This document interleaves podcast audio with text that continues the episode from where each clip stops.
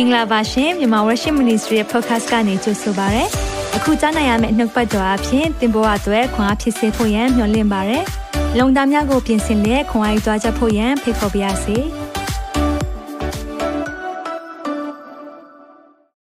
အားလုံးကိုယေရှုနာမ၌ကြိုဆိုပါရစေ။ရှလုံညီသက်ချင်းဝမ်းမြောက်ခြင်းသင်နဲ့သင်မိသားစုပေါ်မှာတက်ရောက်ပါစေကျွန်တော်နာမည်ဒေးဗစ်ကင်ပါအရေးကြီးတာပါလဲဆိုရင်တော့တရားကို နာတဲ့သူပဲမဟုတ်ပဲねတရားကိုကျင့်တော်သူเนาะ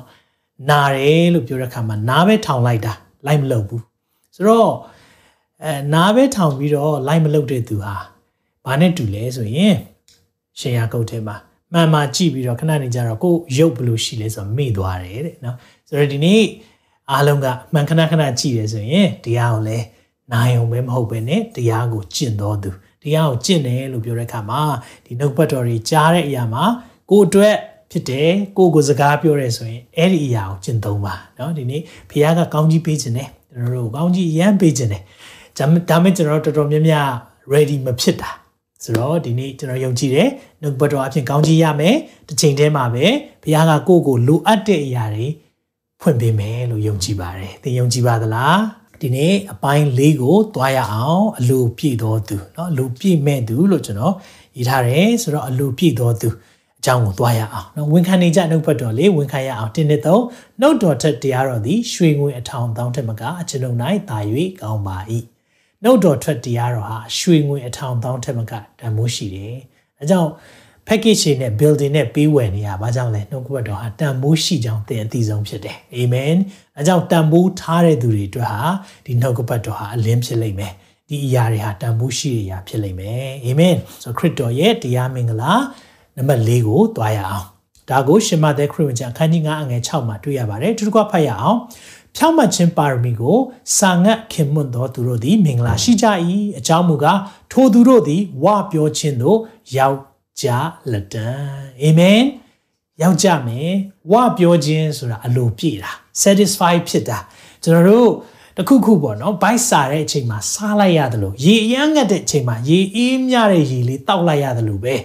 အဲ့ဒီလိုမျိုးဝပြောခြင်းကြုံရမယ်ဆိုတာကိုနှုတ်ဘတ်တော်ထဲကပြောထားတယ်တစ်ခေါက်လောက်အတူတူကပြန်ဖတ်ရအောင်ဖြောင့်မတ်ခြင်းပါရမီနော် righteousness ဖြောင့်မတ်ခြင်းပါရမီကိုစာငတ်ခင်မွတ်တော်သူတို့သည်မင်္ဂလာရှိကြ၏အကြောင်းမူကားထိုသူတို့သည်ဝပြောခြင်းသို့ရောက်ကြလက်တက်ဒီနေ့ယုံကြည်ပါတယ်သင်ဝပြောစွာနဲ့ဒီနှုတ်ပတ်တော်ခံယူပြီးတဲ့အချိန်မှာတကယ်ကိုဝပြောခြင်းအလိုပြည့်စုံရတဲ့အခွင့်ဖျားပေးပါစေအာမင်။တန်ရှင်သောဝိညာဉ်တော်ဖျားဒီနှုတ်ပတ်တော်ကိုစားသုံးလိုက်တဲ့အချိန်မှာအလိုပြည့်ပြီးတော့တပတ်တာလုံးအတွက်တစ်နှစ်တာလုံးအတွက်ခွန်အားဖြစ်တဲ့အရာများဖြစ်ပါစေအာမင်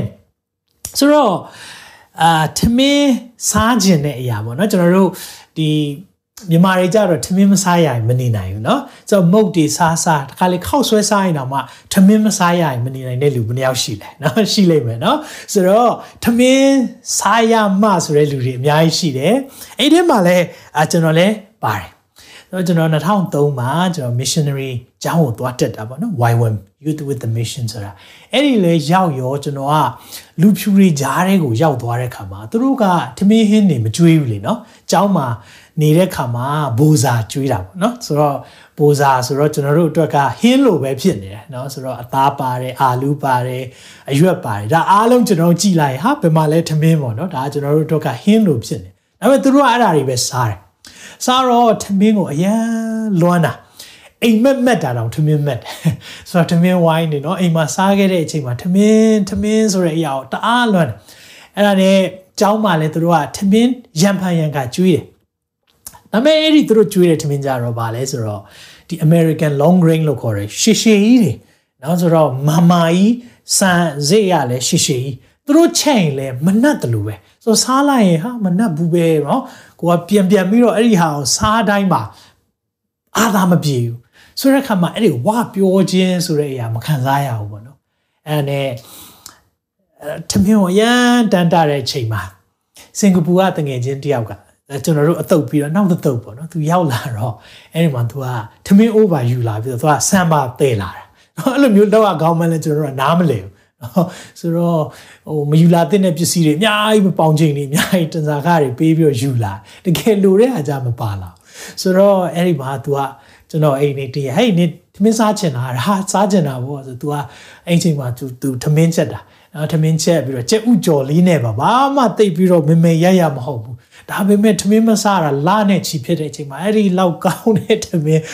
ဟိုဘယ်လိုပြောမလဲမရှိဘူးလို့တောင်ထင်တာအာဒီဟင်းမပါဘူးနော်သမင်းကြဲကြဲစားနေရတာဟိုကအရသာရှိတယ်လို့ဖြစ်နေတာဘာကြောင့်လဲအရန်စာငတ်တဲ့အချိန်မှာ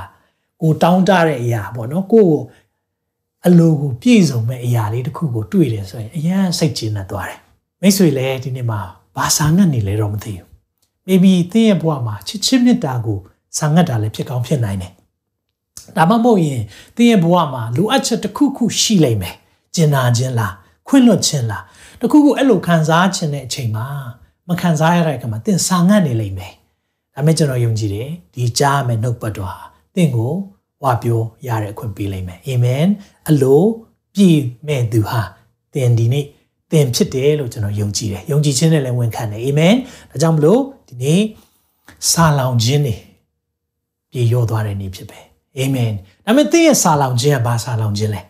ကာယအတွက်စာလောင်ခြင်းလားဝိညာဉ်အတွက်စာလောင်ခြင်းလားနောက်ခုနကျွန်တော်ပြောတဲ့ထမင်းဆိုတာတော့ဒါကာယအစာကာယအစာတော့မှကျွန်တော်တို့ကမစားရဘူးဆိုရင်တောင်းတတယ်ဒါပေမဲ့ဝိညာဉ်လည်းဗိုက်စားတယ်ဝိညာဉ်လည်းစာငတ်ခြင်းရှိတယ်အဲ့ဒီဝိညာဉ်စာငတ်ခြင်းကိုကြတော့ရောက်ရဲစေနိုင်တာကဒီနေ့သခင်ယေရှုပဲဖြစ်တယ်အာမင်အကြောင်းကျွန်တော်တို့မဆာငတ်တဲ့သူကိုကြွေးရတာတော့အရင်ခက်တယ်နော်ဆိုတော့တစ်ခါလေကြာရင်တချို့လူတွေက တခုခုအပြင်မှာစားလာတယ်ဆိုပါစို့အဲ့ချိန်မှာကိုကထမင်းအိမ်မှာဖိတ်ကျွေးတဲ့ခါမှာသူကနေစိတ်ကနေစားအားမရဘူး။ဘာကြောင့်သူတို့ကဘိုက်ပြည့်နေလဲ။ဒီနေ့တင်ကျွန်တော်ယုံကြည်တယ်ဒီနေ့မှာနှုတ်ကပတ်တော်တကယ်စာငတ်ပြီးလာတဲ့သူတွေဝါပြောရတဲ့ခွင့်ရလိမ့်မယ်။သင်ဘိုက်ပြည့်နေတာအမျိုးမျိုးလည်းရှိနိုင်တယ်။ဟိုဒီမှာဆိုရင်တော့ junk food လို့ခေါ်တာပေါ့နော်။ junk food ဆိုတာတော့ဒီဟိုဝါစီတဲ့အစားအစာလို့ပြောရင်ကောင်းပါပေါ့နော်။ဆိုတော့ဟိုအာဟာရဖြစ်သလားဆိုရင်ဖြစ်တော့ဖြစ်တယ်ဒါပေမဲ့ ကျန်းမာတဲ့အစားအစာမဟုတ်ဘူး။ဥမာဘာဂါတို့နော် McDonald တို့ KFC တို့နော်ဒီမှာတော့အလားမျိုးတွေကိုတားကြိုက်ကြတယ်စားကြတယ်ဒါပေမဲ့ဒါတွေစားတဲ့အခါဘိုက်ကတော့တင်းတယ်ဒါပေမဲ့အာဟာရမဖြစ်ဘူးကျန်းမာခြင်းပေါ့နော်တကယ်ကျန်းမာတဲ့အရာမဖြစ်ဘူးအဲ့ဒါဆိုရင်ကျွန်တော်တို့ကတင်ကအပြစ်မှာနော်ဒီလိုမျိုးအစားအသောက်တွေစားလာတယ်ဆိုကျွန်တော်အိမ်မှာတိတ်ကောင်းတဲ့ကျန်းမာတဲ့အစားအသောက်တစ်ခုချက်ထားရင်သင်စားခြင်းမှာမဟုတ် ဘူး။ဘာလို့ဆိုအရသာမရှိသလိုပဲခံစား။ဆရာမနဲ့ကျွန်တော်လည်းခုဆိုရင်တော့ဟိုကျန်းမာတဲ့ healthy food တွေပိုစားလာတယ်။အဲ့လိုစားကာစားမှာတော့နော်သိအဆင်မပြေဘူး။ဘာလို့ဆိုအရွက်တွေတော့နော် salad တွေတော့အသားတွေနဲသွားတာတော့အစီတွေနဲသွားတာတော့အချိုစိတ်တွေရှော့လိုက်တဲ့ခါမှာရုပ်တရက်စားတဲ့ခါမှာတော့ဒါကြီးကစားလို့မကောင်းဆက်စားခြင်းတော့ဒါပေမဲ့အခုချိန်မှာကြာရင်အဲ့ဒီအစီပြန်နေတဲ့အရာတွေ နော်ဒီလိုမျိုးတအားကိုအသားတွေနဲ့ပြည့်နေတဲ့အားတွေဆိုရင်ချိုစိတ်နေဆိုမစားကြတော့။ဘာကြောင့်လဲ။ကျမ်းမာတဲ့အစားအစာစားဖို့တဲ့သူကမကျမ်းမာတဲ့အစားအစာကိုလေမစားကြဘူး။သင်မကျမ်းမာတဲ့အစားအစာကြိုက်နေသေးတယ်ဆိုရင်သင်တကယ်မကျမ်းမာဘူး။ဝိညာဉ်လည်းမကျမ်းမာဘူး။ဒါကြောင့်ဘုရားကကျွန်တော်တို့ကိုစင်ကြင်ခိုင်းတာကိုစားတဲ့အရာ။ဆိုတော့ဒီနေ့ကျွန်တော်ယုံကြည်ပါတယ်။ဝိညာဉ်ထဲမှာစာငတ်တဲ့သူတွေ ဝါပြောရတဲ့အခွင့်ပေးလိုက်မယ်ဟာလေလုယာအဲကြောင့်မလို့ကျွန်တော်တို့နှုတ်ကပတ်တော်နဲ့ကျွန်တော်တို့ဖတ်ပြီးတော့လေ့လာရအောင်ဆိုတော့ကျွန်တော်ဒီ beatitude လို့ခေါ်တဲ့เนาะ blessing မင်္ဂလာတရားတွေကိုလေ့လာတဲ့အခါမှာကျွန်တော်နားလည်လွယ်ဖို့ရန်အတွက်ကျွန်တော်ဥပမာလေးတစ်ခုအများအားပေးလို့ရှိတယ်အဲဒီအကြောင်းကိုကျွန်တော်လေ့လာခဲ့ကြတယ်เนาะဆိုတော့ယောဘအသက်တာလည်းကျွန်တော်လေ့လာတယ်เนาะပြီးရင်အာဒီသခင်ကိုစီမွေးနဲ့ပူဇော်တဲ့မျိုးသမီးအကြောင်းလေးလေ့လာတယ်ဆရာမကလည်းမောရှေ နော်အကြောင်းနဲ့ပတ်သက်ပြီးတော့ကျွန်တော်တို့ပြောပြတယ်ဆိုတော့ဒီနေ့မှာကျွန်တော်တယောက်ကြောင့်ပြောပြချင်တယ်အဲ့ဒါတော့ရှမာရိမျိုးသမီးနဲ့သခင်ယေရှုတွေ့တဲ့အကြောင်းအရာလေးကိုပြောပြချင်တယ်ဆိုတော့ရှမာရိ ကောင်းသောရှမာရိဆိုတဲ့အကြောင်းကျွန်တော်ကြားဘူးတယ်ဒါပုံဥပမာပေါ့နော်သခင်ကပြောတာဒါမဲ့ဒီရှမာရိအမျိုးသမီးကြတော့ကောင်းသောရှမာရိမဟုတ်ဆိုးသောရှမာရိနော်ဘာကြောင့်ဆိုးတာလဲဆိုတာလေကျွန်တော်ပြီးကြရင်လိလာသွားရအောင်ဆိုတော့ရှမာရိအမျိုးသမီးနဲ့သခင်ယေရှုတွေ့တဲ့အကြောင်းကိုရှင်ယောဟန်ခရစ်ဝင်ကျမ်းအခန်းကြီး၄ထဲမှာတွေ့ရမှာဖြစ်တယ်ဆိုတော့ရှင်ယောဟန်ခရစ်ဝင်ကျမ်းအခန်းကြီး၄အငယ်1ကနေ42မှာဒီအကြောင်းအရာကိုသေးစိတ်ပြောထားတယ်ဒီနေ့တော့ကျွန်တော်အချက်၃ချက်လေးဒီထဲကနေကောက်နှုတ်ပြီးတော့ပြောပြခြင်းတယ်ဆိုတော့ ရှမာရိအမျိုးသမီးနဲ့သခင်ယေရှုတွေ့တယ် background လေးနည်းနည်းနားလည်ဖို့လိုတာပေါ့နော်ဒါကြောင့်ကျွန်တော်တို့ဖတ်ရင်းနဲ့ကျွန်တော်ရှင်းပြသွားမယ်ရှင်ယောဟန်ခရစ်ဝင်ကျမ်းအခန်းကြီးလေးအငယ်3ပေါ့နော်3ကနေဖတ်ခြင်းနဲ့ယူရပီမှာထွက်သွားရေးဆိုဘာကြောင့်ယူရပီကထွက်သွားလဲဆိုတော့ရှင်ယောဟန် ဒီထဲမှာမှတ်တမ်းတင်ထားတာပါလဲဆိုတော့နှစ်ချင်းစရာယောဟန်နဲ့သခင်ယေရှုနိုင်ရှင်လာပြီးတော့သခင်ယေရှုကပို့ပြီးတော့နာမည်ကြီးကြီးလာတယ်အဲ့လိုဖြစ်လာတဲ့အခါမှာသခင်ကယူရပီကနေဂါလိလဲပြည်ကိုသွားလိုက်တာเนาะဒါလေးကို တွေ့ရတယ်ဂါလိလဲပြည်တော့တဖန်ကြွတော်မူစဉ်တွင်ရှမာရိပြည်အလယ်၌ရှောက်သွားရ၏ယာကုပ်သည်မိမိသားเนาะရှမာရိပြည်အလဲဆိုတဲ့အရာဘာကြောင့်လဲဆိုတော့ဂျူးနဲ့ရှမာရိတွေကမတည့်ဘူးဘာလို့မတည့်လဲဆိုတာလည်းနည်းနည်းရှင်းပြချင်တယ်ဆိုတော့ရှမာရိတွေကဘလို့လူမျိုးတွေလဲဆိုတော့ဂျူးတစ်ဝက်တပါးမျိုးသားတစ်ဝက်ဆိုတော့ဂျူး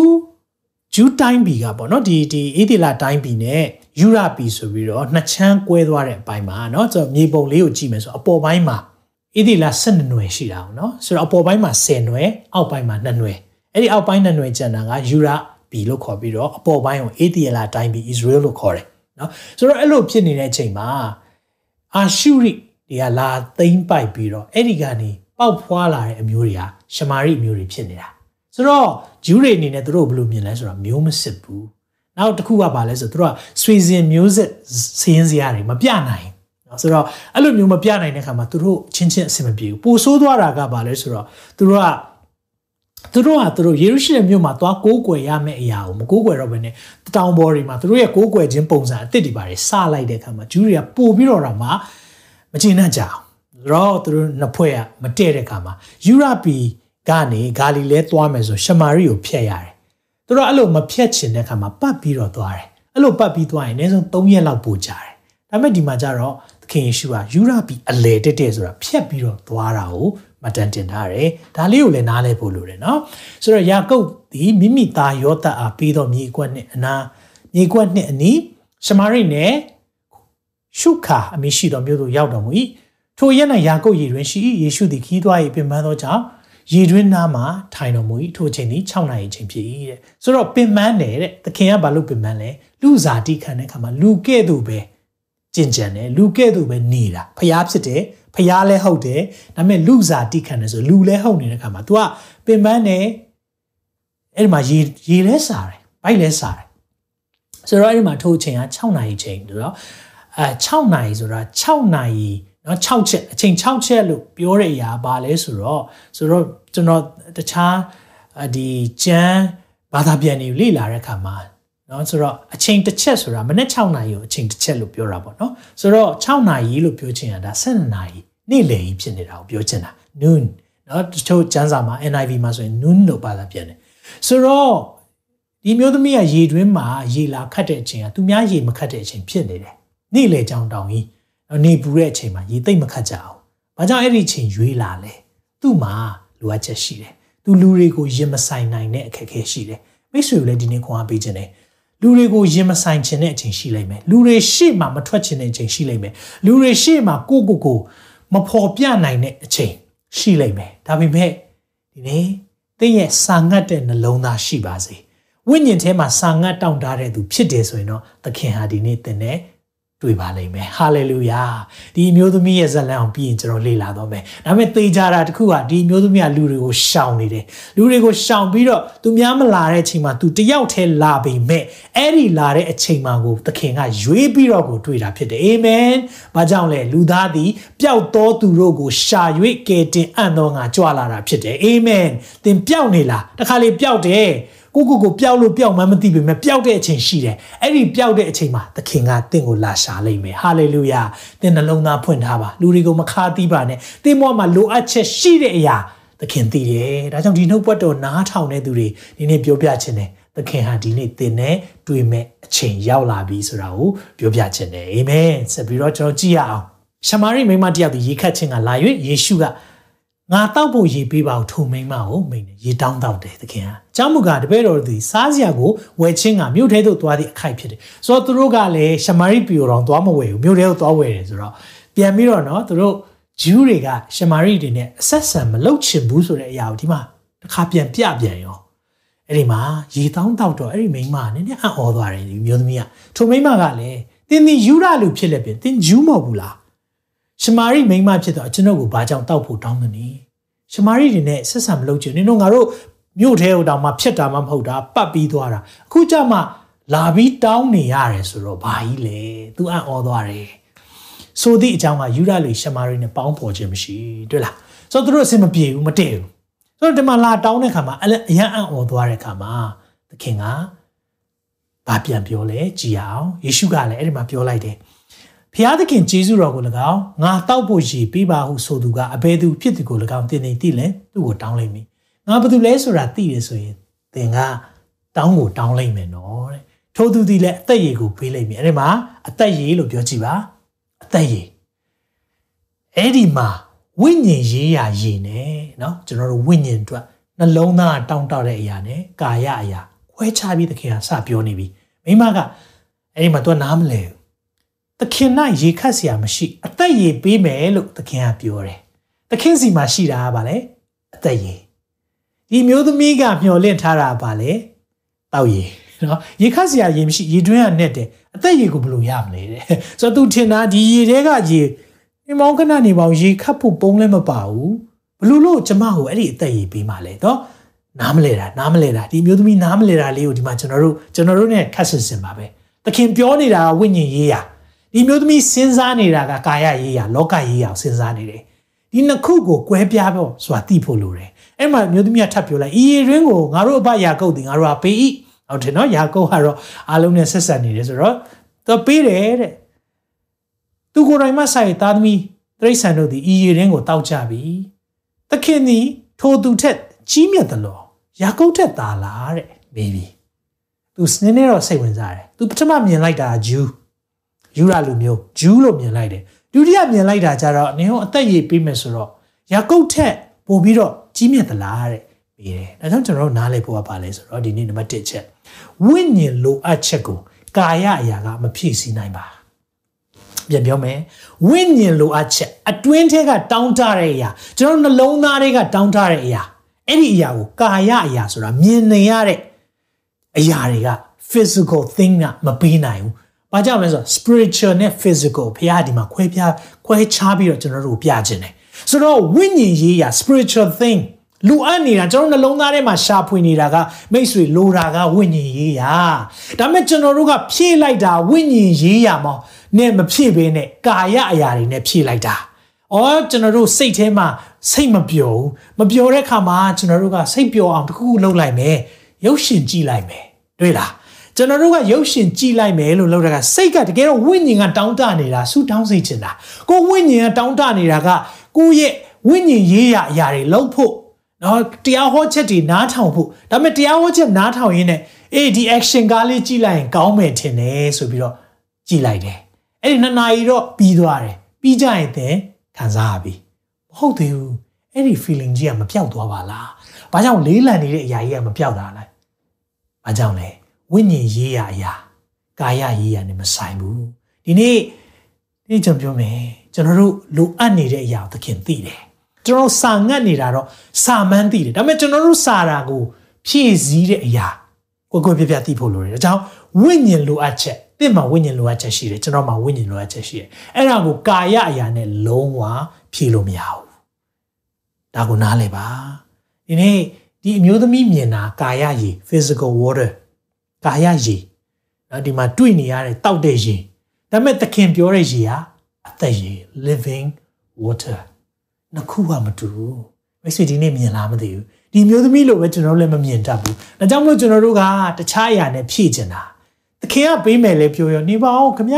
ရာကုတ်ထက်ကြီးမြတ်လားနေပါအောင်ခမရစီမှာရေပုံးတွေရေခွက်တွေမှမပါတာဘလို့ပေးမလဲသူစဉ်းစားနေပြီအဲကြောင့်ဒီကျွန်တော်တို့နားလည်ရမှာပါလေဝိညာဉ်ရေးရလိုအပ်ချက်ကို ကာယအရာတွေကလုံးဝမဖြည့်ဆည်းပေးနိုင်ခဏတော့စိတ်ပျော်သလိုဖြစ်လိုက်မယ်အရက်တောက်လိုက်တယ်စိတ်ရမ်းညစ်လို့တကယ်တော့စိတ်ညစ်တဲ့အချိန်မှာကိုရောဒီရဲ့အခက်ခဲတွေကနေဘလို့ကြော်လွှားရမလဲဆိုဖះကိုတန်းတဖို့ဖះကိုတောင်းတဖို့ဒါပေမဲ့ကျွန်တော်တို့ကထွက်ပေါက်ရှာလိုက်တာအရက်တောက်ခြင်းတွေဖြစ်နေတယ်အပျော်ပါလိုက်စားခြင်းတွေဖြစ်နေတယ်ခဏတော့ပြည့်တယ်လို့လို့ရှိပေမဲ့အဲ့ဒီတကယ်စစ်မှန်တဲ့ဖြည့်ဆည်းခြင်းမဟုတ်တဲ့ခါမှာသင်လိုအင်ဆန္ဒမပြည့်ဘူးဒါမဲ့ဒီနေ့ ဖရာသခင်ကကျွန်တော်တို့ကိုအလိုပြည့်ဖို့ရန်အတွက်လိုရှိတယ် hallelujah satisfy သူရဲ့အသက်ရည်ကကျွန်တော်တို့ကိုတောင်းတခြင်းကိုရောက်ရဲခြင်းပေးနိုင်တယ်ဒါကြောင့်သခင်ကပြန်ပြောလိုက်ပြီအငယ်73မှာယေရှုကလည်းဤရေကိုတောက်တော်သူဒီနောက်တစ်ဖန်ရေငတ်အောင်ပြီဒီရေဆိုတာကာယရေကာယအရာတွေမြင်နေရတဲ့အရာတွေနဲ့ဖြည့်အောင်မယ်ဆိုရင်တော့ပြန်ပြီးငတ်နေအောင်ပါပဲငါပေးသောရေလို့ပြောကြည့်ပါငါပေးသောရေဘာရေလဲအဲ့ဒါအသက်ရေ သခင်ပေးတဲ့ရေအသက်ရေအဲ့ဒီရေကိုတောက်တဲ့သူကရေငတ်ခြင်းနဲ့အစဉ်ပြက်ကင်းလွတ်လိုက်ပြီငါပေးသောရေသည် ထိုသူ၌ထာဝရအသက်ရှင်ခြင်းအလို့ငါထွက်သောဆန်းရည်ဖြစ်လိမ့်မည်အဲ့ဒီရေကိုရတဲ့သူဟာအသက်ရှင်ခြင်းထွက်တဲ့ဆန်းရည်ဆိုသူ့အထက်ကလည်းရေပြန်ထွက်လာလိမ့်မယ်အသက်ရည်မရှိပြီးကြရင်ကျွန်တော်တို့ဒါကိုရှင်းပြမယ်ဘလောက်ကောင်းတဲ့ရာလဲသခင်ပေးတဲ့ရေကိုအဲ့ဒီအသက်ရည်တောက်လိုက်တဲ့အခါမှာလေအသက်ရည်ကစီးထွက်လာတယ်လောကရဲ့ရေတောက်လိုက်တဲ့အခါမှာ ဘာဖြစ်သွားလဲပြန်မဲစာနေတယ်ဟိုရေစာတယ်ပြန်ပြန်တောက်နေရတယ်ဒါပေမဲ့သခင်ပေးတဲ့အသက်ရည်ရလိုက်ရင်တော့တင်ကိုယ်တိုင်အသက်ရည်စီးထွက်တယ်ဟာလေလုယာဟာလေလုယာအဲ့ဒီမှာလည်းမိမကလည်းသခင်ရဲ့ကျွန်ုပ်ဒီရင်ငတ်ခြင်းနဲ့၎င်းဒီကိုလာ၍ရေခတ်ခြင်းနဲ့၎င်းကင်းလွတ်မိကြောင်းထိုရေကိုပေးပါသူမြင်တာလာပြန်ပြီကာယရေပဲသူမြင်နေတာဝိညာဉ်ရေးအောင်လုံးဝမမြင်နိုင်သေးဘူး तू ကစဉ်းစားလိုက်တာဟာရင်ခဏခဏငတ်တာနဲ့ဒီရေလာခတ်ပင်ပန်းတယ်လေနော်သူများ ဟိုမခတ်တဲ့အချိန်လဲနေပူကျဲထဲမှာလဲလာခတ်သေးတယ်ဆိုတော့သူကရမ်းပင်ပန်းတော့ဒီຢာတွေရေမခတ်ချင်တော့ဘူးသူကပြောတာအဲ့ဒါနဲ့အဲ့ဒီကိုတော့ပေးတဲ့ရေလိုချင်တယ်တဲ့သူပြောလိုက်တာသူပြောလိုက်တာကိုကကာယရေပေါ့နော်ဘဝမှာပြည့်စုံခြင်းဘဝမှာကျွန်တော်မြင်တဲ့ material လို့ခေါ်တဲ့အရာဝတ္ထုနဲ့ပဲအဲ့ဒါကိုပဲတောင်းတနေတာတော်တော်များများလဲဒီလိုပဲဖြစ်တတ်တယ်ယုံကြည်သူတွေဓမ္မ ဆရာတွေကိုနိုင်ကကိုဒီအကြောင်းပဲဟောနေတယ်ဖះချမ်းသာခြင်းပေးနိုင်တယ်လာပြီနော်ဖះစီမှာတောင်း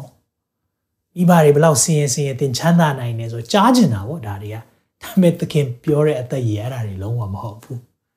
သခင်ပြောတဲ့အသက်ရည်ဟာတန်ကြီးပိုးရွမဖြစ်စည်းနိုင်တဲ့အရာတွေတဲ့နှလုံးသားဒါကြောင့်မကျေနပ်တာတခါလေမှကျွန်တော်စာရေးလာတဲ့အားတွေကျွန်တော်ဖတ်တဲ့အခါမှာနော်သူတို့တော့နာမည်တက်ပြီးတော့ ပြောလာတဲ့အရာတွေရှိတယ်ဟာနားထောင်နေတဲ့တရားဟောချက်တွေ3-4ရက်လောက်တော့ခံတယ်တဲ့ဒါပေမဲ့ပြီးရင်ပျောက်သွားတယ်တဲ့အသက်ရည်တောက်ဖို့လိုတယ်ဟာလေလုယာအဲ့ဒီအသက်ရည်တောက်ရင်တော့ဟွာပြောတယ်အသက်ရည်ဘယ်ရရနိုင်လဲသခင်စီရပဲရနိုင်တယ်အာမင်အာမင်ဒါကြောင့်မလို့ကျွန်တော်တို့တွေဝိညာဉ်ရေးရာလိုအပ်ချက်ကိုကာယအရာကမဖြည့်ဆည်းပေးနိုင်ဘူးဆိုတာသင်သိသွားဖို့လိုတယ်ဒီမျိုးသမီးကိုသခင်ကပြောပြီးဘာပြောလဲ तू ကအဲ့ရေလိုချင်တယ်တဲ့သခင်ချစ်ချင်းပြောလိုက်တယ် โอเคပေးမယ်ဒါပေမဲ့တခုတော့ရှိတယ်တင်သွားတော့သင်ဤလင်ကိုဒီကိုခေါ်လာအောင်တဲ့နေ့မျိုးသားကိုခေါ်လာပါအောင်အဲ့လိုလဲပြောလိုက်ရောဘာဖြစ်သွားလဲဒီနေ့နံပါတ်1ချက်သခင်ထံအရှိကိုရှိတိုင်းလာဖို့လိုတယ်တင့်မှာအားနည်းချက်ရှိတာသခင်သိတယ်တင့်မှာလိုအပ်ချက်ရှိတာသခင်သိတယ်တင့်မှာမပြည့်စုံတာသခင်သိတယ်ဒါပေမဲ့မေခွန်းကတင်သိလားတင်သိလားတင့်မှာလိုအပ်ချက်ရှိတာတင်သိလားတ င့်မပြည့်စုံခြင်းတွေကိုတခါလေကျွန်တော်တို့တစ်ခုခုနဲ့ဖုံးအုပ်တတ်တယ်ဆိုတော့ကျွန်တော်တို့ psychology ကဘာပြောလဲဆိုတော့ကျွန်တော် one နဲ့အရင်စိတ်ခံစားချက်ရှိတဲ့လူတွေဟာသားတွေလုတ်တတ်တယ်တဲ့။ဘာကြောင့်လဲဆိုတော့လူတွေကိုရေစေတဲ့အရာတွေကသူ့ရဲ့ one နဲ့ခြင်းကိုသူကဖုံးကျင်တာဒီလိုဖြစ်တတ်တယ်။တခါလေ confident မရှိဘဲနဲ့ခဏခဏခဏခဏနော်ကိုကိုကိုကိုဟို confident မရှိတဲ့သူတွေကဘာလုပ်တယ်လဲဆိုသူများကိုတိုက်ခိုက်တတ်တယ်တဲ့။ဘာကြောင့်လဲဆိုတော့သူများကိုမတိုက်ခိုက်လိုက်ရင် ကိုယ့်ကိုလာတိုက်ခိုက်မှာစိုးရိမ်တဲ့အခါမှာသူတော့ဟာအရင်ဆုံးဥအောင်တိုက်ခိုက်တာတဲ့။ဘာကိုပြောချင်တာလဲ။အရှိကိုအရှိတိုင်းကျွန်တော်တို့မလာဘဲနဲ့လူကအားနေချက်ကြီးပြောလာမှာအရင်စိုးရိမ်နေ။အဲ့ဒီအားနေချက်ကိုဖုံးခြင်းတယ်။တခုခုနဲ့အမြဲတမ်းဖုံးခြင်းတယ်။ဘာဆက်ဖြစ်လဲဒီအမျိုးသမီးကလည်းနေ့မျိုးသားကိုခေါ်လာပါဆိုတော့ကျမမှလင်မရှိဘူးတဲ့ပြောပြီး။အဲ့ဒါနဲ့တခင်ကပြောတယ်။နေ့မှ9ယောက်တောင်ရှိတာ။အခုနေတဲ့တယောက်က လင်မဟုတ်ဘူးဆိုတော့ living together ဖြစ်နေတာဆိုတော့6ယောက်မြောက်ဖြစ်နေပြီအဲ့လိုပြောလင်မရှိဘူးပြောတာတော့မှန်တယ်သခင်ကပြောလိုက်တယ်အမှအားနေချက်ကိုပြောပြီနော်ဒီနေ့ကျွန်တော်နားလဲစေချင်တယ်သခင်ကသင်ရဲ့အပြစ်တွေကိုဖော်ပြတာအဆက်ခွဲဖို့မဟုတ်ဘူးခွင့်လွှတ်ခြင်းလို့ဖြစ်တယ်ဟာလေလုယာပြန်ပြောနေတယ်နော်သင်ရဲ့အပြစ်တွေကိုဖော်ထုတ်တာဟာအဆက်ခွဲဖို့မဟုတ်ဘူးခွင့်လွှတ်ပေးခြင်းလို့ဖြစ်တယ်ဟာလေလုယာဘာကြောင့်လဲ စစ်မှန်တဲ့ relationship ကိုဟန်ဆောင်ထားလို့မရဘူးစစ်မှန်တဲ့ relationship တခုရှိလာမယ်ဆိုကျွန်တော်တို့အချင်းချင်းလူချင်းချင်းတောင်မှ relationship ရှိရဆိုရင်ဖုံးကွယ်ထားလို့မရဘူးအရာအားလုံးကိုယ့်ရဲ့အားနည်းချက်ကိုယ့်ရဲ့အကြောင်းအရာတွေသူသိကိုသိဖြစ်ဖို့လိုတယ်ဟုတ်တယ်နော်အဲ့ဒါတွေအားလုံးသိပြီးမှသာလင်စစ်မှန်တဲ့ relationship ဆိုတာစားလို့ရတာဒါကြောင့်သင်ဒီနေ့သခင်နဲ့သင်နဲ့တွေ့ကျင်တယ်နော်သင်နဲ့နှစ်ယောက်နှစ်ဖူးတွေဒူးတွေတွေ့ကျင်တယ်ဆိုဒီနေ့ပြောပြချင်တယ် သသခင်နဲ့တွေ့ဖို့ကလေတကူတော့ရှိတယ်ဟာလေလုယာသင်အရှိကိုရှိတိုင်းလာပါတင့်ထဲမှာရှိရရာတွေအရှိကိုရှိတိုင်းလာပါဟာလေလုယာအရှိကိုရှိတိုင်းလာပါဘာမှဖုံးကွယ်ထားစရာမလိုသခင်သိလားသိတယ်ကျွန်တော်တော့မသိဘူးသင်ကြောင့်ကျွန်တော်မသိဘူးဒါပေမဲ့တကူတော့သိတယ်သခင်ကသင်ကြောင့်အကုန်သိတယ်ကျွန်တော်အကြောင်းလည်းသင်အကုန်လုံးမသိဘူးကျွန်တော်အားနေချက်တချို့တွေသိရင်သိမယ်အားလုံးမသိနိုင်ဘူးဒါပေမဲ့သခင်ကအကုန်သိတယ် ဒါကြောင့်အရှိကိုအရှိတိုင်းလာဖို့လိုတယ်ဒီမှာဒီမျိုးသမီးကသူ့အကြောင်းပြောလိုက်ရောပြောလိုက်ရောဘာဖြစ်သွားလဲအားဒါတော့မဖြစ်ဘူးဆိုပြီးသူကစပြီးတော့စကားလမ်းကြောင်းလွဲပလိုက်ပြီဘာအကြောင်းနေပြောလဲဆိုတော့ကိုရော prophet တော့ထင်တယ်တဲ့ကြည်အောင်နော်သူအမြင်ပြောင်းလာပြီပထမတစ်ခုကပါလဲဂျူးလို့သူမြင်တယ်ဒုတိယတစ်ခုကသူကယာကုပ်ထက်သာသလားတဲ့သူပြောတယ်တတိယတစ်ခုကျ prophet ထင်တယ်တဲ့သူသူပြောလာတဲ့အစ်စ်တွေကတော့တဖြည်းဖြည်းနဲ့တော့ထူးခြားလာတာတွေ့ရတယ်အဲ့ဒီမှာသူကကိုးကွယ်ခြင်းအကြောင်း ရှင်းရှင်းပြောမယ်ဆိုဘာသာရေးလမ်းလွဲလိုက်တာဘာသာရေးအကြောင်းတွေပြောတာဒီနေ့ဒီနေ့သခင်က relationship အကြောင်းပြောချင်တာဒါပေမဲ့သင်ကဘာသာရေး religion ထဲမှာပဲရှိနေသေးလားဒီနေ့ religion ကတော့ကျွန်တော်တို့ religion ကတော့အားလုံးကတော့ကောင်းတာလုပ်ပါလို့ပြောတယ်မှန်တယ်ဒါပေမဲ့လူတိုင်းကတော့ကောင်းတာသွန်သင်တာပဲမဟုတ်ဘူးလားဘာသာတိုင်းကဒါပေမဲ့အဲ့ဒီကောင်းတယ်ဆိုတဲ့အရာဟာဘာ standard လဲဘာစံချိန်နဲ့သင်တိုင်းတာလဲ good standard လား God standard လားအဲ့ဒါကွဲပြားဖို့လိုတယ်အဲကြောင့်မလို့သခင်ကပြောပြီးစစ်မှန်တဲ့ကိုးကွယ်သူဟာနာဝိညာဉ်နဲ့သစ္စာနဲ့ကိုးကွယ်တယ်နှလုံးသားထဲကနေကိုးကွယ်တာအိုးဗိမာန်တော်မှာသွားကိုးကွယ်စရာမဟုတ်ပဲနဲ့နှလုံးသားနဲ့ကိုးကွယ်လို့ရတဲ့အချိန်ရောက်လာမယ်ဒီကိုဗစ်ကာလမှာကျွန်တော်နှလုံးသားထဲကနေအရှိကိုရှိတိုင်းသခင်နဲ့ကိုးကွယ်နေရတဲ့အချိန်မရောက်ဘူးလားကိုဧကန်ထဲမှာရှိပေမဲ့ စစ်မှန်တဲ့ relationship ရှိထားရင်လေသခင်ကလည်းအဲ့ဒီနေရာမှာနှစ်ဦးသုံးဦးသဘောတူလဲဆူတောင်းတဲ့လေမှာငါရှိတယ်ဖခင်ဖြစ်တယ်ဟာလေလုယာဘလောက်ကောင်းလိုက်တဲ့ဖခင်ကိုရထားလဲ။အော်ကျွန်တော်တို့ဟိုမှာတနေရာမှာသွားပြီးကိုးကွယ်ရမယ်။အဲ့ဒီနေရာမှာမတန့်ရှင်းတယ်။အဲ့ဒီနေရာမှာမြင့်မြတ်တယ်လို့မဟုတ်ဘူး။ဖခင်ရှိတဲ့နေရာတိုင်းတန့်ရှင်းတယ်။အဲကြောင့်စစ်မှန်တဲ့ကိုးကွယ်ခြင်းကြောင့်သခင်ကလည်းပြောပြလိုက်တယ်။အဲ့ဒါနဲ့သူတော်တော်ထူးဆန်းသွားတယ်။တော်တော်ထူးဆန်းသွားတယ်။ ဒီຢာလေးကိုကျွန်တော်တွေ့ရတယ်အိမ်မှာဘုရားသခင်ကနာဝိညာဉ်ဖြစ်တယ်ဘုရားသခင်ကနာဝိညာဉ်နဲ့သစ္စာနဲ့ကိုးကွယ်ရမယ်ဆိုတဲ့အရာပြောတယ်။ဘာကြောင့်လဲဆိုတော့အငယ်20ကိုကြည့်ပေးပါ။ယူရလူတို့၌ကယ်တင်ခြင်းအကြောင်းရှိ။ Salvation come from the Jew လို့ပြောတယ်။ဒါကြောင့်သခင်ယေရှုကျွန်တော်ကိုးကွယ်တဲ့ဘုရားဟာဂျူးလူမျိုးကနေဆင်းသက်လာတယ်။ကျွန်တော်ဖတ်တဲ့ကျမ်းစာအုပ်နော်ဒီမှာတဝက်ဆိုရင်ဂျူးရဲ့ ဂျူးတွေရဲ့ကျမ်းစာအုပ်ဖြစ်တယ်လို့ဓမ္မသစ်ဆိုရင်လည်းဂျူးတွေကရေးသားထားတာ။ဘာကြောင့်လဲ။ကယ်တင်ခြင်းဟာဂျူးတွေယူရလူတွေကနေဆင်းသက်လာတာ။အဲကြောင့်ယူရလူမျိုးသားလည်းရွေးချယ်ထားတဲ့မျိုးဖြစ်တယ်နော်။ဒါပေမဲ့ကျွန်တော်တို့ကဂျေဇုတော်ကာလမှာရွေးချယ်ခံရတယ်။ဘာကြောင့်လဲယူရလူတွေအားဖြင့်ကောင်းကြီးဖြစ်သွားတာ။အာမင်။ဆိုတော့သူ့ရဲ့အကြောင်းကိုပြောလိုက်ရောလမ်းလွှဲလိုက်တာ။ဒါပေမဲ့အဲ့ဒီလမ်းလွှဲလိုက်တဲ့ခါမှာတင်လဲဖခင်ကဖွင့်ပြချက်တွေဆက်ပြီးတော့ပြောပြနေတယ် အဲ့လိုဖွင့်ပြတဲ့အချိန်မှာ तू ကတစ်ချက်ပြောလိုက်တယ်အငယ်25မှာမိမကလည်းမေရှိယကြွလာတော်မူသည်ကိုကျွန်ုပ်သိပါ၏ရောက်တော်မူသောအခါကျွန်ုပ်တို့အာအလုံးစုံတို့ကိုဖော်ပြမယ်မေရှိယလာရင်အကုန်စင်ပြေသွားမှာဘာကြောင့်လဲသူတို့သိတယ်အဲ့ဒီကာလမှာယောမလက်အောက်မှာသူတို့နေရတဲ့ခါမှာခက်ခဲတယ်ကြမ်းတမ်းတယ်အခွန်အများကြီးပေးရတယ်အနှိမ့်ဆက်ခံရတယ်အဲ့လိုဖြစ်နေတဲ့ချိန်မှာသူတို့ကမျှော်လင့်နေတာမေရှိယလာမယ်မေရှိယဆိုတာကယ်တင်ရှင်မေရှိယဆိုတာသခင်ယေရှုသခင်ယေရှု နော်ကယ်တင်ရှင်ခရစ်တော်လာမယ်ဆိုရင်ဒါပေမဲ့သူတို့ယေရှုကိုမသိဘူးယေရှုဟာကယ်တင်ရှင်မှန်းသူတို့မသိဘူးလာမယ်ဆိုလို့ရှိရင်အရာအလုံးသူတို့ကိုနားလည်စေလိမ့်မယ်ရှင်းပြလိုက်မယ်သခင်အမှန်ပါပြန်ပြောလိုက်တယ်တင်းနဲ့စကားပြောတော့ငါသည်မေရှိယပင်ဖြစ်တယ်တဲ့ပြောလိုက်တာဖွင့်ပြလိုက်တာဟာအော်သွားတာဗောအော်သွားတယ်အရှိကိုရှိတိုင်းလာပါစစ်မှန်တဲ့ relationship က ဟန်ဆောင်မှုတွေနဲ့သွားလို့မရဘူးမိတ်ဆွေအနေနဲ့ခွာပေးခြင်းနဲ့တင်းရဲ့အားနည်းချက်တွေတင်သိတယ်တင်းမပြည့်စုံခြင်းတွေတင်သိတယ်အဲ့ဒီမပြည့်စုံခြင်းတွေရှိနေတာကိုကပြည့်စုံတဲ့အရှင်လိုအပ်ကြောင်းပြနေတာဟာလေလုယာမပြည့်စုံခြင်းတွေကပြည့်စုံခြင်းသခင်ကိုညွှန်ပြနေတာမိတ်ဆွေဒီနေ့အားငယ်စရာမဟုတ်ဘူးတင်းမကြော်လွှားနိုင်တဲ့အရာတွေရှိလိမ့်မယ်ဒီမျိုးသမီးကိုကြည့်လိုက်ပါဦးလင်9ယောက်တောင်ရှိတာ ခေသူမဟုတ်ဘူးနံပါတ်6တယောက်ဒီတယောက်သူ့လင်မဟုတ်ဘူးတဲ့ဒါပေမဲ့သခင်နောက်ဆုံးတွေ့လိုက်တဲ့တယောက်ကတော့နံပါတ်9ပြည်စုံခြင်းတယောက်တွေ့သွားတယ်ဒီနေ့ကျွန်တော်ပြောမယ်နော်သင်သခင်ယေရှုနဲ့မတွေ့မချင်းသင်သင်ရဲ့နှလုံးသားလိုအင်ဘယ်တော့မှမပြည့်စုံသင်ရဲ့နှလုံးသားလိုအင်ထဲမှာကျွန်တော်နှလုံးသားထဲမှာဖန်ဆင်းရှင်က God gift ဆိုတဲ့ဖျားဆိုတဲ့နေရာလွတ်လေးတစ်ခုခြံထားတယ် အဲ့ဒီအရာလေးကိုသင်ချားဟာနေနဲ့ဖြည့်လို့မရဘူးဖျားပဲဖြည့်ပြီးနိုင်တယ်ကျွန်တော်တို့ထဲမှာနေရာလွတ်လေးရှိတယ်အဲ့ဒီနေရာလွတ်လေးဟာဒီနေ့သခင်ယေရှုဆိုတဲ့သူနဲ့ဖြည့်ဝရတာဒါကြောင့်မလို့ဒီမျိုးသမီးဟာသူရှာနေတာမေတ္တာဖြစ်လိမ့်မယ်စစ်မှန်တဲ့မေတ္တာကိုသူရှာနေတယ်မျိုးသားတယောက်ပြီးတယောက်တယောက်ပြီးတယောက်တယောက်ပြီးတယောက်သူရှာနေတယ်သူစာငတ်တယ်စာငတ်တယ်ဒါပေမဲ့အဲ့ဒီအရာပြေဝရတဲ့အခွင့်မရှိဘူးဘာကြောင့်လဲ စစ်မှန်တဲ့အရာတွေမဟုတ်ဘူးဒါပေမဲ့သူသခင်နဲ့တွေ့တဲ့ခါမှာတော့မေရှိယနဲ့တွေ့သွားတဲ့ခါမှာဒီအရာတွေကဒီပြောင်းသွားပြီဒါကြောင့်မိတ်ဆွေကိုခွန်အားပေးခြင်းတဲ့ဒီနေ့သင်ပိုင်နဲ့သင်ရဲ့အသက်တာဘဝတွေဖြည့်နေလေကျုပ်ကလေးတွေစာရေးလာတယ်ကလပ်တက်တယ်မျိုးမျိုးနေတယ်ဒါပေမဲ့2020လောက်ကြာတော့နှုတ်ကပတ်တော်အဖြစ်လွတ်မြောက်တယ်ခုနတယောက်ပြောတယ်ဘိန်းစားဘဝပါတဲ့ဒါပေမဲ့နှုတ်ကပတ်တော်ရတော့ဘိန်းပြတ်သွားတယ်ဘာဖြည့်ပေးတာလဲ ဒီနေ့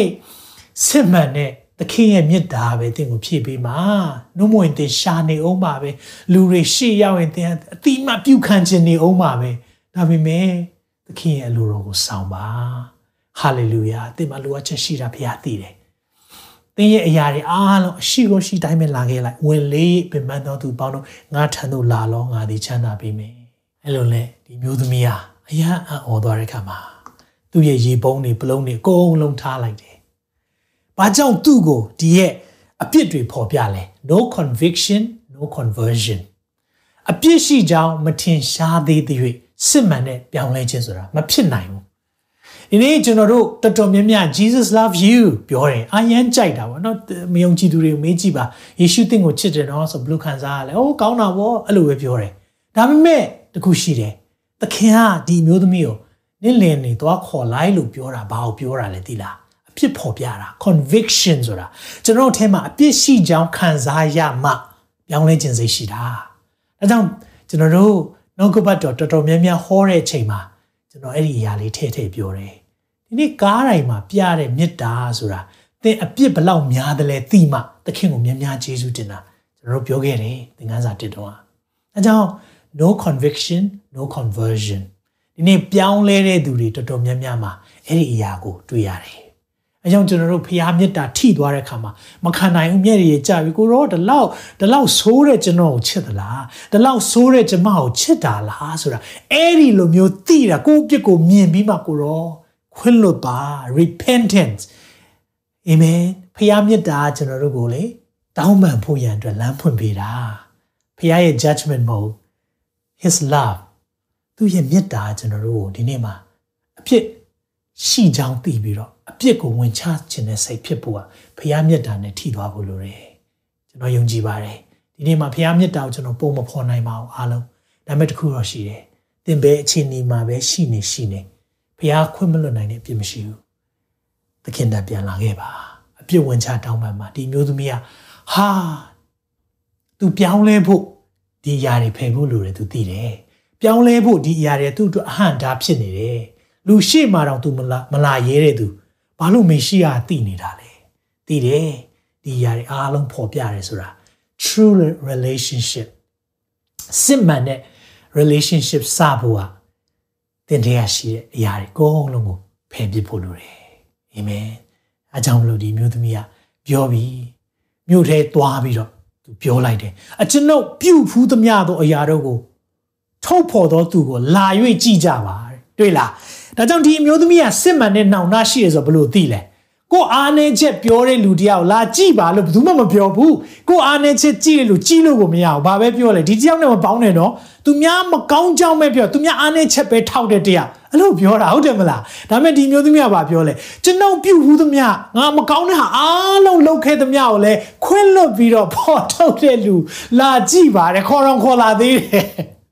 ခရစ်တော်ဖြစ်လိမ့်မယ်ဟာလေလုယာနေ့စစ်မှန်တဲ့ပြောင်းလဲခြင်းဒါကြောင့်လေ conviction ဆိုတာတိတ်တိတ်လို့တယ်နော်မိတ်ဆွေဒီနေ့မှာနှလုံးသားထဲကနေနောက်သားရဖို့လို့တဲ့ကိုယ့်ရဲ့ဘဝမှာဒီနေ့ဖျားနဲ့တဲ့ relationship စခြင်းနေဆိုရင်ဒီရတဲ့ကုန်းလုံးကိုအရှိကိုရှိတိုင်းယူလာခဲ့သင်အားနေချက်တွေအကုန်ယူလာခဲ့ဝင်လေးနေတဲ့ຢာတွေပင်ပန်းနေရတဲ့အထုပ်တွေအကုန်လုံးယူလာခဲ့ဖခင်ကခွင့်လွှတ်ပေးနိုင်တယ်ဖခင်ရှိမှချထားဖို့လိုတယ်ဟာလေလုယာအဲ့ဒါနဲ့ မြို့ထဲမှာသွားပြီးတော့ evangelist နော်ဧဝံဂေလိပါဝင်ကားလိုက်တယ်သူ့ရဲ့အကြောင်းတွေအကုန်သိတဲ့သူလာကြည့်ပါတဲ့နောက်ပိုင်းမှာပြောတယ်ဒီတယောက်ကသူတို့မျိုးထဲခေါ်သွားပြီးနှစ်ရက်လောက်သခင်ကအမှတော့ဆက်နေလိုက်သေးတယ်လူတွေကလည်းသိကျင်တယ်မိရှိအောင်တွေ့ကျင်တယ်ဟာလေလုယာဟာလေလုယာဒီရဲ့ဒီရဲ့အကြောင်းအရာမှာပြည့်ဝသွားတဲ့သူနှစ်ယောက်ရှိတယ်တကယ်တော့အဲ့နှစ်ယောက်ကဘာလဲသိလား သခင်ရှုသင်ဘယ်လိုမြင်လဲဆိုတဲ့အရာကိုအရင်ဆုံးသွားခြင်းတယ်ဒီနေ့သင်သခင်ကိုဘယ်လိုမြင်လဲသခင်ကို or the greatest philosopher အတွေးခေါ်ပညာရှင်လို့လောကကြီးကသတ်မှတ်တယ်သင်ရောယေရှုဘယ်လိုမြင်လဲဒီမျိုးသမီးကပထမမြင်တဲ့အမြင်ပါလေသူ့မှာလေးမျိုးလေးစစ်တောင်ပြောင်းသွားတာကိုမြင်ရတယ်ပထမတစ်ခုကဂျူးလူမျိုးတယောက်လို့သူမြင်တယ်အဲ့ဒီဂျူးလူမျိုးတယောက်လို့မြင်နေတဲ့အမြင်နဲ့သ င်ကိုမကယ်တင်နိုင်ဘူးဒုတိယတယောက်ယာကုပ်ထက်တာတဲ့သူအသက်ရည်ပေးမယ်ဆိုတော့ယာကုပ်ထက်တာမှာပဲအဲ့တယောက်လည်းမဟုတ်ပြန်ဘူး prophet တူဖြစ်မယ်သူ့အကြောင်းပြောလာတာ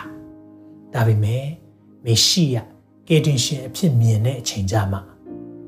သူ့ရဲ့ဘဝတစ်ခုလုံးပြောင်းလဲသွားတယ်။အဲကြောင့်မိတ်ဆွေသခင်ယေရှုဘယ်လိုမြင်လဲ။ဒါအရေးကြီးတယ်။သင်မြင်နေတာက prophet တူလို့မြင်တဲ့ဘာသာတွေရှိတယ် ယေရှုရောနော်သင်မြင်ဖို့လိုတယ်မေရှိယကယ်တင်ရှင်ဖြစ်တယ်ဆိုတာမြင်ဖို့လိုတယ်။ဒီရဲ့အကြောင်းအရာထဲမှာပြည့်ဝသွားတဲ့သူနှစ်ယောက်ရှိတယ်။ဖခင်လိုတော့ဆောင်ခြင်းကသင်ကိုပြေဝစေလိမ့်မယ်အာမင်ဒီဟာလေးပြောပြီးဆုံးသတ်မယ်ဖခင်အလိုတော်ဆောင်တဲ့ဆောင်ခြင်းဖခင်အလိုတော်ဆောင်တဲ့သူဟာတကယ်ပဲပြေဝတယ်သခင်ကဘလို့ပြေဝသွားလဲဘိုက်ပြေသွားတာ အဲ့ဒီမှာရှင်ယောဟန်ခရစ်ယာန်ခန်းကြီးလေးမှာသူခုနပြောတယ်နော်သူစာငတ်တယ်ပင်ပန်းတယ်လို့ပြောတယ်အဲ့မှာသူကတပည့်တွေကစားစရာရောက်လာတဲ့အခါမှာစားပါလို့ပြောတော့မစားတော့ဘူးတဲ့ဘိုက်ပြေနေပြီ။ဘာကြောင့်လဲငွေ34မှာယေရှုကငါ့ကိုစေလွတ်တော်မူသောသူ၏အလိုတော်ကိုဆောင်ခြင်းသူ၏အမှုတော်ကိုပြီးစီးစေခြင်းအမှုသည်ငါစားစရာဖြစ်တယ်။ Hallelujah righteousness ဖြောင့်မတ်ခြင်းပါရမီကိုတည်ဆောင်တာဖြောင့်မတ်ခြင်းပါရမီကိုတကယ်စာငတ်တဲ့သူသခင်ယေရှုကို၌လည်းဝါပြောတယ်ဒီအမျိုးသမီးလည်းသူတသက်လုံးရှာဖွေနေတဲ့အရာအဲ့ဒီအချိန်မှာဝါပြောရတယ်ခွင့်တွေ့တယ် Hallelujah အကြောင်းမိတ်ဆွေသင်ရှာဖွေနေတာပါလေဒီနေ့ဖြောင့်မတ်ခြင်းပါရမီဆိုတော့တခြားမဟုတ်ဘူး righteousness သင်ရဲ့ self righteous မဟုတ်ဘူးငါကုသိုလ်ကောင်းမှုအများကြီးလုပ်နိုင်နေဆိုတဲ့အရာမဟုတ်ဘူးဒီနေ့ ဖျားလူခြင်းနဲ့ဖြောင့်မတ်ခြင်းဟာဖျားရဲ့ဖြောင့်မတ်ခြင်းကျွန်တော်ကုသိုလ်တပည့်ငရဲတလဲမလုပ်နိုင်ဘူးဘယ်လောက်ဖြောင့်မတ်တယ်လဲကျွန်တော်တို့မဆန်းစစ်နိုင်ဘူးလူကောင်းလားလို့မေးရင်တော့ကောင်းပါတယ်မလိမ်ဘူးလေသူများကိုလည်းမရိုက်ဘူးမညာဘူးရက်မတော့ဘူးဖဲမရိုက်ဘူးကျွန်တော်အဲ့ဒါကိုလူကောင်းလို့သတ်မှတ်တယ်အဲ့ဒါ good good standard ဒါပေမဲ့ God standard အဲ့လိုမမြင်ဘူးကျွန်တော်လုပ်တဲ့ကုသိုလ်ကောင်းမှုအားလုံးကိုဖခင်ကဘယ်လိုမြင်လဲဒီလားလက်နီးဆုံးနဲ့တူတယ် ဝတ်စုံနဲ့တူတယ်အဲကြောင့်ကျွန်တော်တို့ဖခင်ရှိမှလာတဲ့အခါမှာလူရဲ့စံချိန်နဲ့တိုင်းလို့မရဘူးဖခင်ကသူ့စံချိန်နဲ့ကျွန်တော်တို့တိုင်းမှာအဲ့လိုလုပ်တဲ့အခါမှာဘာဖြစ်လဲ we fall short လူတိုင်းဟာမမီနိုင်ဘူးဖခင်စံချိန်အဲကြောင့်သခင်ဟာလဝါးကားတိုင်းမှာအသေးခံပြီးတော့တင်းနဲ့ကျွန်တော်အစားကျွန်တော်တို့ရဲ့အပြစ်ကြွေးသေခြင်းဆိုတဲ့အရာပြစ်ဒဏ်အားလုံးဆက်ပေးလိုက်တာ ဒါကြောင့်တင်းနဲ့ကျွန်တော်လူလတ်စွာသွားလို့ရတယ်တနည်းအားဖြင့်တရားရုံးမှာတင်းရဲ့အမှုအစားတယောက်ကဒီအရာအားလုံးကိုဒဏ်ကြီးပေးဆောင်ပေးလိုက်ရင်သင်လွတ်တယ်ခင်ဟာကျွန်တော်တို့ဖះနဲ့ကျွန်တော်တို့ကြားထဲမှာကျွန်တော်တို့အပြစ်လုပ်တဲ့အတွက်အပြစ်ရှိတဲ့သူဒါပေမဲ့ဒဏ်ဆောင်ပေးတာကသခင်ယေရှုဖြစ်နေတယ်။ဒါကြောင့်သင်ဒီနေ့မှာလွတ်မြောက်သွားတာ။အာမင်။အခုကျွန်တော်ပြောတဲ့ righteousness ဖြောင့်မတ်ခြင်းပါရမီဆိုတာတခြားမဟုတ်ဘူး။ သခင်ယေရှုကိုပြောတာ။သခင်ယေရှုကိုစာငတ်တဲ့သူတွေသခင်ယေရှုကိုစာငတ်ခြင်းရှိတဲ့သူဝါပြောရမယ်။အလိုပြည့်ရတဲ့ခွင့်ဘုရားပေးမယ်တဲ့။အာမင်။အဲကြောင့်သခင်ယေရှုကပွန့်ပွန့်လင်းလင်းပဲဗာပြောလဲ။ဖြောင့်မတ်ခြင်းပါရမီကိုစာငတ်တဲ့သူအတွက်သူဂတိပေးထားတာရှိတယ်။နံပါတ်1ကပါလဲ။ငငါပေးတဲ့ရေကိုတောက်တော်သူရေငတ်ခြင်းနဲ့ အစင်ပြက်ကင်းလွတ်လိမ့်မယ်ငါပေးသောရေသည်ထိုသူ၌သာရအသက်ရှင်ခြင်းအလုံးကထွက်သောစမ်းရည်ဖြစ်လိမ့်မယ်ဒီမျိုးသမီးကဒီအသက်ရည်ကိုရသွားတယ်ရသွားတဲ့အခါမှာသူပဲမဟုတ်တော့ဘဲနဲ့သူရှမာရိမြို့တစ်မြို့လုံးကိုအကြောင်းတက်တည်ခံတယ်ဘာလို့ပြောတာလဲသူ့ထဲကနေအသက်ရည်စီးထွက်တာသူပြောပြတဲ့အတွက်သူသူ့ရဲ့မိတ်ဆွေတွေသူ့မိသားစုတွေသူ့ပတ်ဝန်းကျင်ကလူတွေ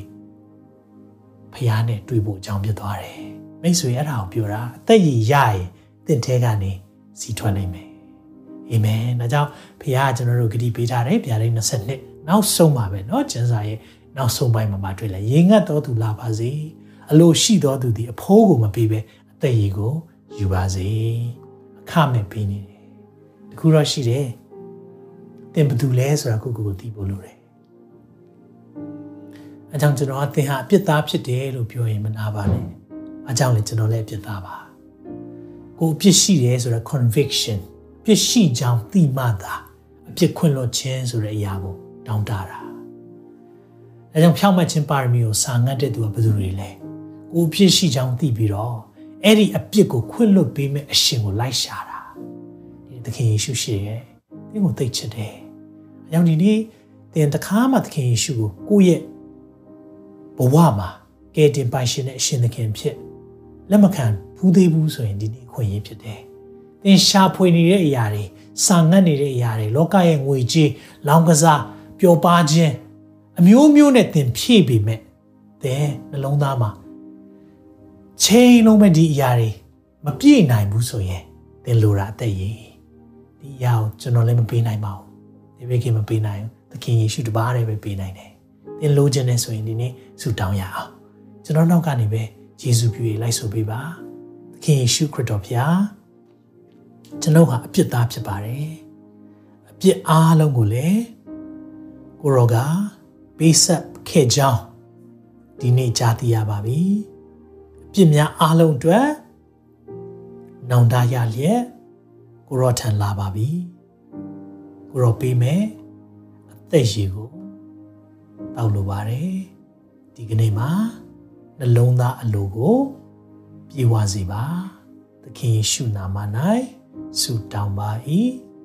အာမင်အာမင်မိတ်ဆွေဒီဆုတောင်းချက်ကိုတောင်းနေဆိုရင်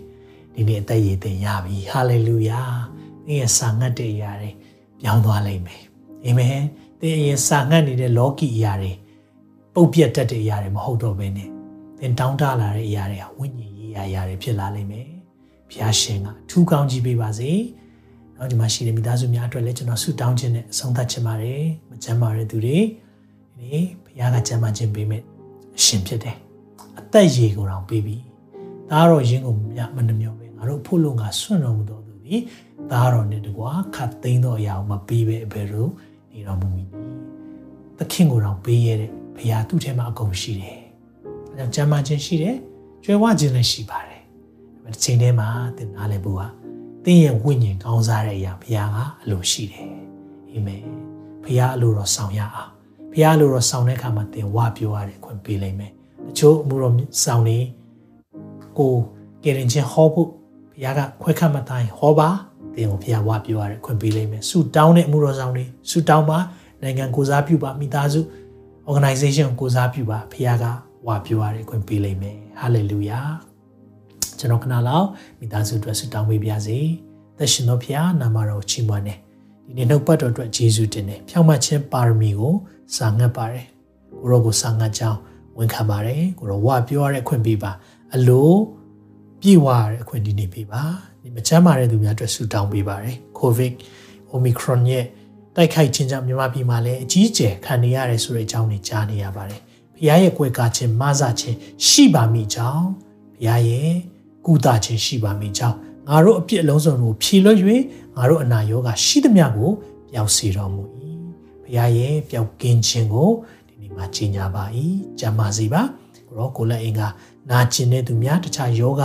အမျိုးမျိုးရှိတဲ့သူများပေါ်မှာဘုရားရဲ့ကုသခြင်းကိုလည်းတောင်းခံပေးပါတယ်ကိုရောတန်ချက်တော်များအဖြစ်ငါတို့ဒီအနာပြောက်လျက်ရှိ၏လို့ပြောတဲ့အရာဒီတစ်ပတ်မှာကျွန်တော်ကြက်ခဲ့ရတဲ့နှုတ်ပတ်တော်အတိုင်းရောကျွန်တော်တို့ကိုသက်သေပေးမယ်ဆိုတာယုံကြည်တယ် ကိုရောလမ်းပြပါဒီချိန်တည်းမှာပဲကိုရောမိသားစုမောင်နှမများဆွေမျိုးများနဲ့တငယ်ချင်းများကိုယ့်ရဲ့အနီးဆက်ဆုံးသူများကိုရောကိုမသိသေးတဲ့သူတွေရှိပါတယ်ကိုရောတရားတော်အတိုင်းအသက်မရှင်သေးတဲ့သူတွေရှိပါတယ်သူတို့ပြောင်းလဲဖို့ရန်အတွက်ကျွန်တော်ဆူတောင်းနေတာကိုရောနှစ်ပေါင်းများစွာကြာပါပြီကိုရောဒီရအတွက်ကိုရောခွန်အားပြန်လဲပေးပါကိုရောအေးအသက်ရည်ကျွန်တော်တို့ထဲကနေစီးထွက်စေပါကိုရောရဲ့အသက်ရည်ရှမာရိ အမျိုးသမီးထဲကစီးထွက်တဲ့အခါမှာရှမာရိမြို့တစ်မြို့လုံးကောင်းကြီးဖြစ်တဲ့ကဲ့သို့ကျွန်တော်တို့အထဲကနေကိုရောရဲ့ချစ်ချင်းမြတ်တာများစီးထွက်စေပါဒါကြောင့်ကိုရောရဲ့ချစ်ချင်းမြတ်တာများကျွန်တော်တို့ထဲကိုဖြည့်ပေးပါကိုရောပုံသက်သေးကောင်းတဲ့အသက်ရှင်နိုင်တော်သူများဖြစ်ပါမိကြောင်းလက်ဝဲနဲ့အနန္တနေရောမြန်မာပြည်အရေးများအားလုံးအတွက်လည်းကိုရောလက်ဝဲနိုင်စကန်အနန္တနဲ့နိုင်ငံရေးကိစ္စတွေအားလုံးကျွန်တော်တို့နားမလဲပါကျွန်တော်တို့လည်းဒီနေ့မသိနိုင်ပါနဲ့နေပါတယ်ဒါပေမဲ့ကိုရောကိုရောရဲ့ဖြည့်ရှင်းပေးခြင်းကသာလဲ စစ်မှန်တဲ့ solution resolution ရမယ်လို့ယုံကြည်ပါတယ်ဒါကြောင့်ကိုရောကိုရောကိုယ်တိုင်ဉာဏ်ပညာပေးလျက်ဒီနိုင်ငံရေးဥဆောင်နေကြတဲ့သူများပေါ်မှာစစ်မှန်တဲ့အဖြစ်ရရှိစေပါငြိမ်သက်ခြင်းအရှင်သခင်ယေရှုအုပ်ဆိုးသောနိုင်ငံဖြစ်ပါမိကြောင်းလည်းဆုတောင်းပါတယ်ဒီချိန်ထဲမှာပဲကျွန်တော်တို့ရဲ့မှားယွင်းလို့ဆိုတာကိုးကွယ်ခြင်းများအတွက်လည်းကိုရောရှိမှာဝန်ချတောင်းပါတယ်ကိုရောကိုအားမကိုးတဲ့အရာအားလုံးအတွက်ဒီနေ့မှာဝန်ချတောင်းပါလေကိုရောကိုယ်တိုင်ကျွန်တော်တို့ကိုကြည့်ရှုကြပါ ယေရှုတင်တဲ့ဒီနောက်ပတ်တော်ကိုခံယူကြတဲ့သားသမီးများပြန်လည်ပြီးတော့ကြည့်ရှုပြီးတော့ခံယူမဲ့သူအားလုံးအပေါ်မှာလည်းကိုရောရဲ့ဝါပြောခြင်း satisfaction ကိုရောထဲမှာလာတဲ့အလိုပြည့်ရတဲ့အခွင့်ကိုရောပေးပါလူတော်ဒီကောင်းကင်ဘုံမှာပြည့်စုံကြတဲ့ကြည့်ရှုနေကြတဲ့သူရောက်စီတိုင်းနဲ့ဒီကြီးဘုံမှာပြည့်စုံပါစေမြတ်တော်မူတဲ့သခင်ယေရှုနာမ၌စကန်နဲ့ဆုတောင်းကြပါ၏ဖအာမင်အာမင်အာမင် ထာဝရဘုရားသည်သင်ကိုကောင်းချီးပေး၍ဆောင်မတော်မူပါစေသောထာဝရဘုရားသည်သင်၌မျက်နာတော်အလင်းကိုလွှတ်၍ယူနာကျေးဇူးပြုတော်မူပါစေသောထာဝရဘုရားသည်သင်ကိုမျှော်ကြည့်၍ချမ်းသာပေးတော်မူပါစေသောငွေကြီးနဲ့ဝယ်ယူလို့မရတဲ့ဘုရားရဲ့ကြံ့မာခြင်းများရင်သက်ခြင်းများနဲ့ပျော်ရွှင်ခြင်းများသင်နဲ့သင်မိသားစုပေါ်မှာတက်ရောက်ပါစေခင်ရှုနာမနဲ့ကောင်းချီးပေးပါတယ်နောက်ထုတ်လွှင့်ချက်မှာပြန်လည်ဆုံတွေ့ပါအောင်မယ် God bless you all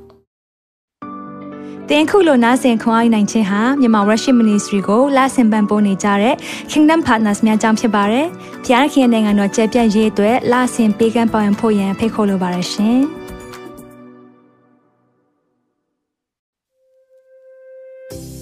အခုကြားနာခဲ့ရတဲ့နှုတ်ပတ်တော်အဖြစ်ခွန်အားရရှိမဲ့လို့ယုံကြည်မျှော်လင့်ပါတယ်။ခွန်အားရဆိုလို့ရှိရင်ဒီတစ်ပတ်နဲ့ပြန်လည်ဝင်မြပေးဖို့ရန်တောင်းဆိုပါရစေ။ Myanmar Worship Ministry ရဲ့ website myanmarworship.com ကိုလည်းလာရောက်လေ့လာဖို့ရန်အတွက်ဖိတ်ခေါ်ချင်ပါတယ်။တချိန်ထဲမှာ Myanmar Worship Ministry ရဲ့ social media platform များဖြစ်တဲ့ Myanmar Worship YouTube Channel, Myanmar Worship Facebook Page နဲ့ Myanmar Worship Instagram များကိုလည်းလာရောက်လေ့လာဖို့ရန်အတွက်ဖိတ်ခေါ်ချင်ပါတယ်။နောက်တစ်ချိန်မှာပြန်လည်ဆုံတွေ့ကြပါစို့။ဖျားရှင်ကောင်းကြီးပေးပါစေ။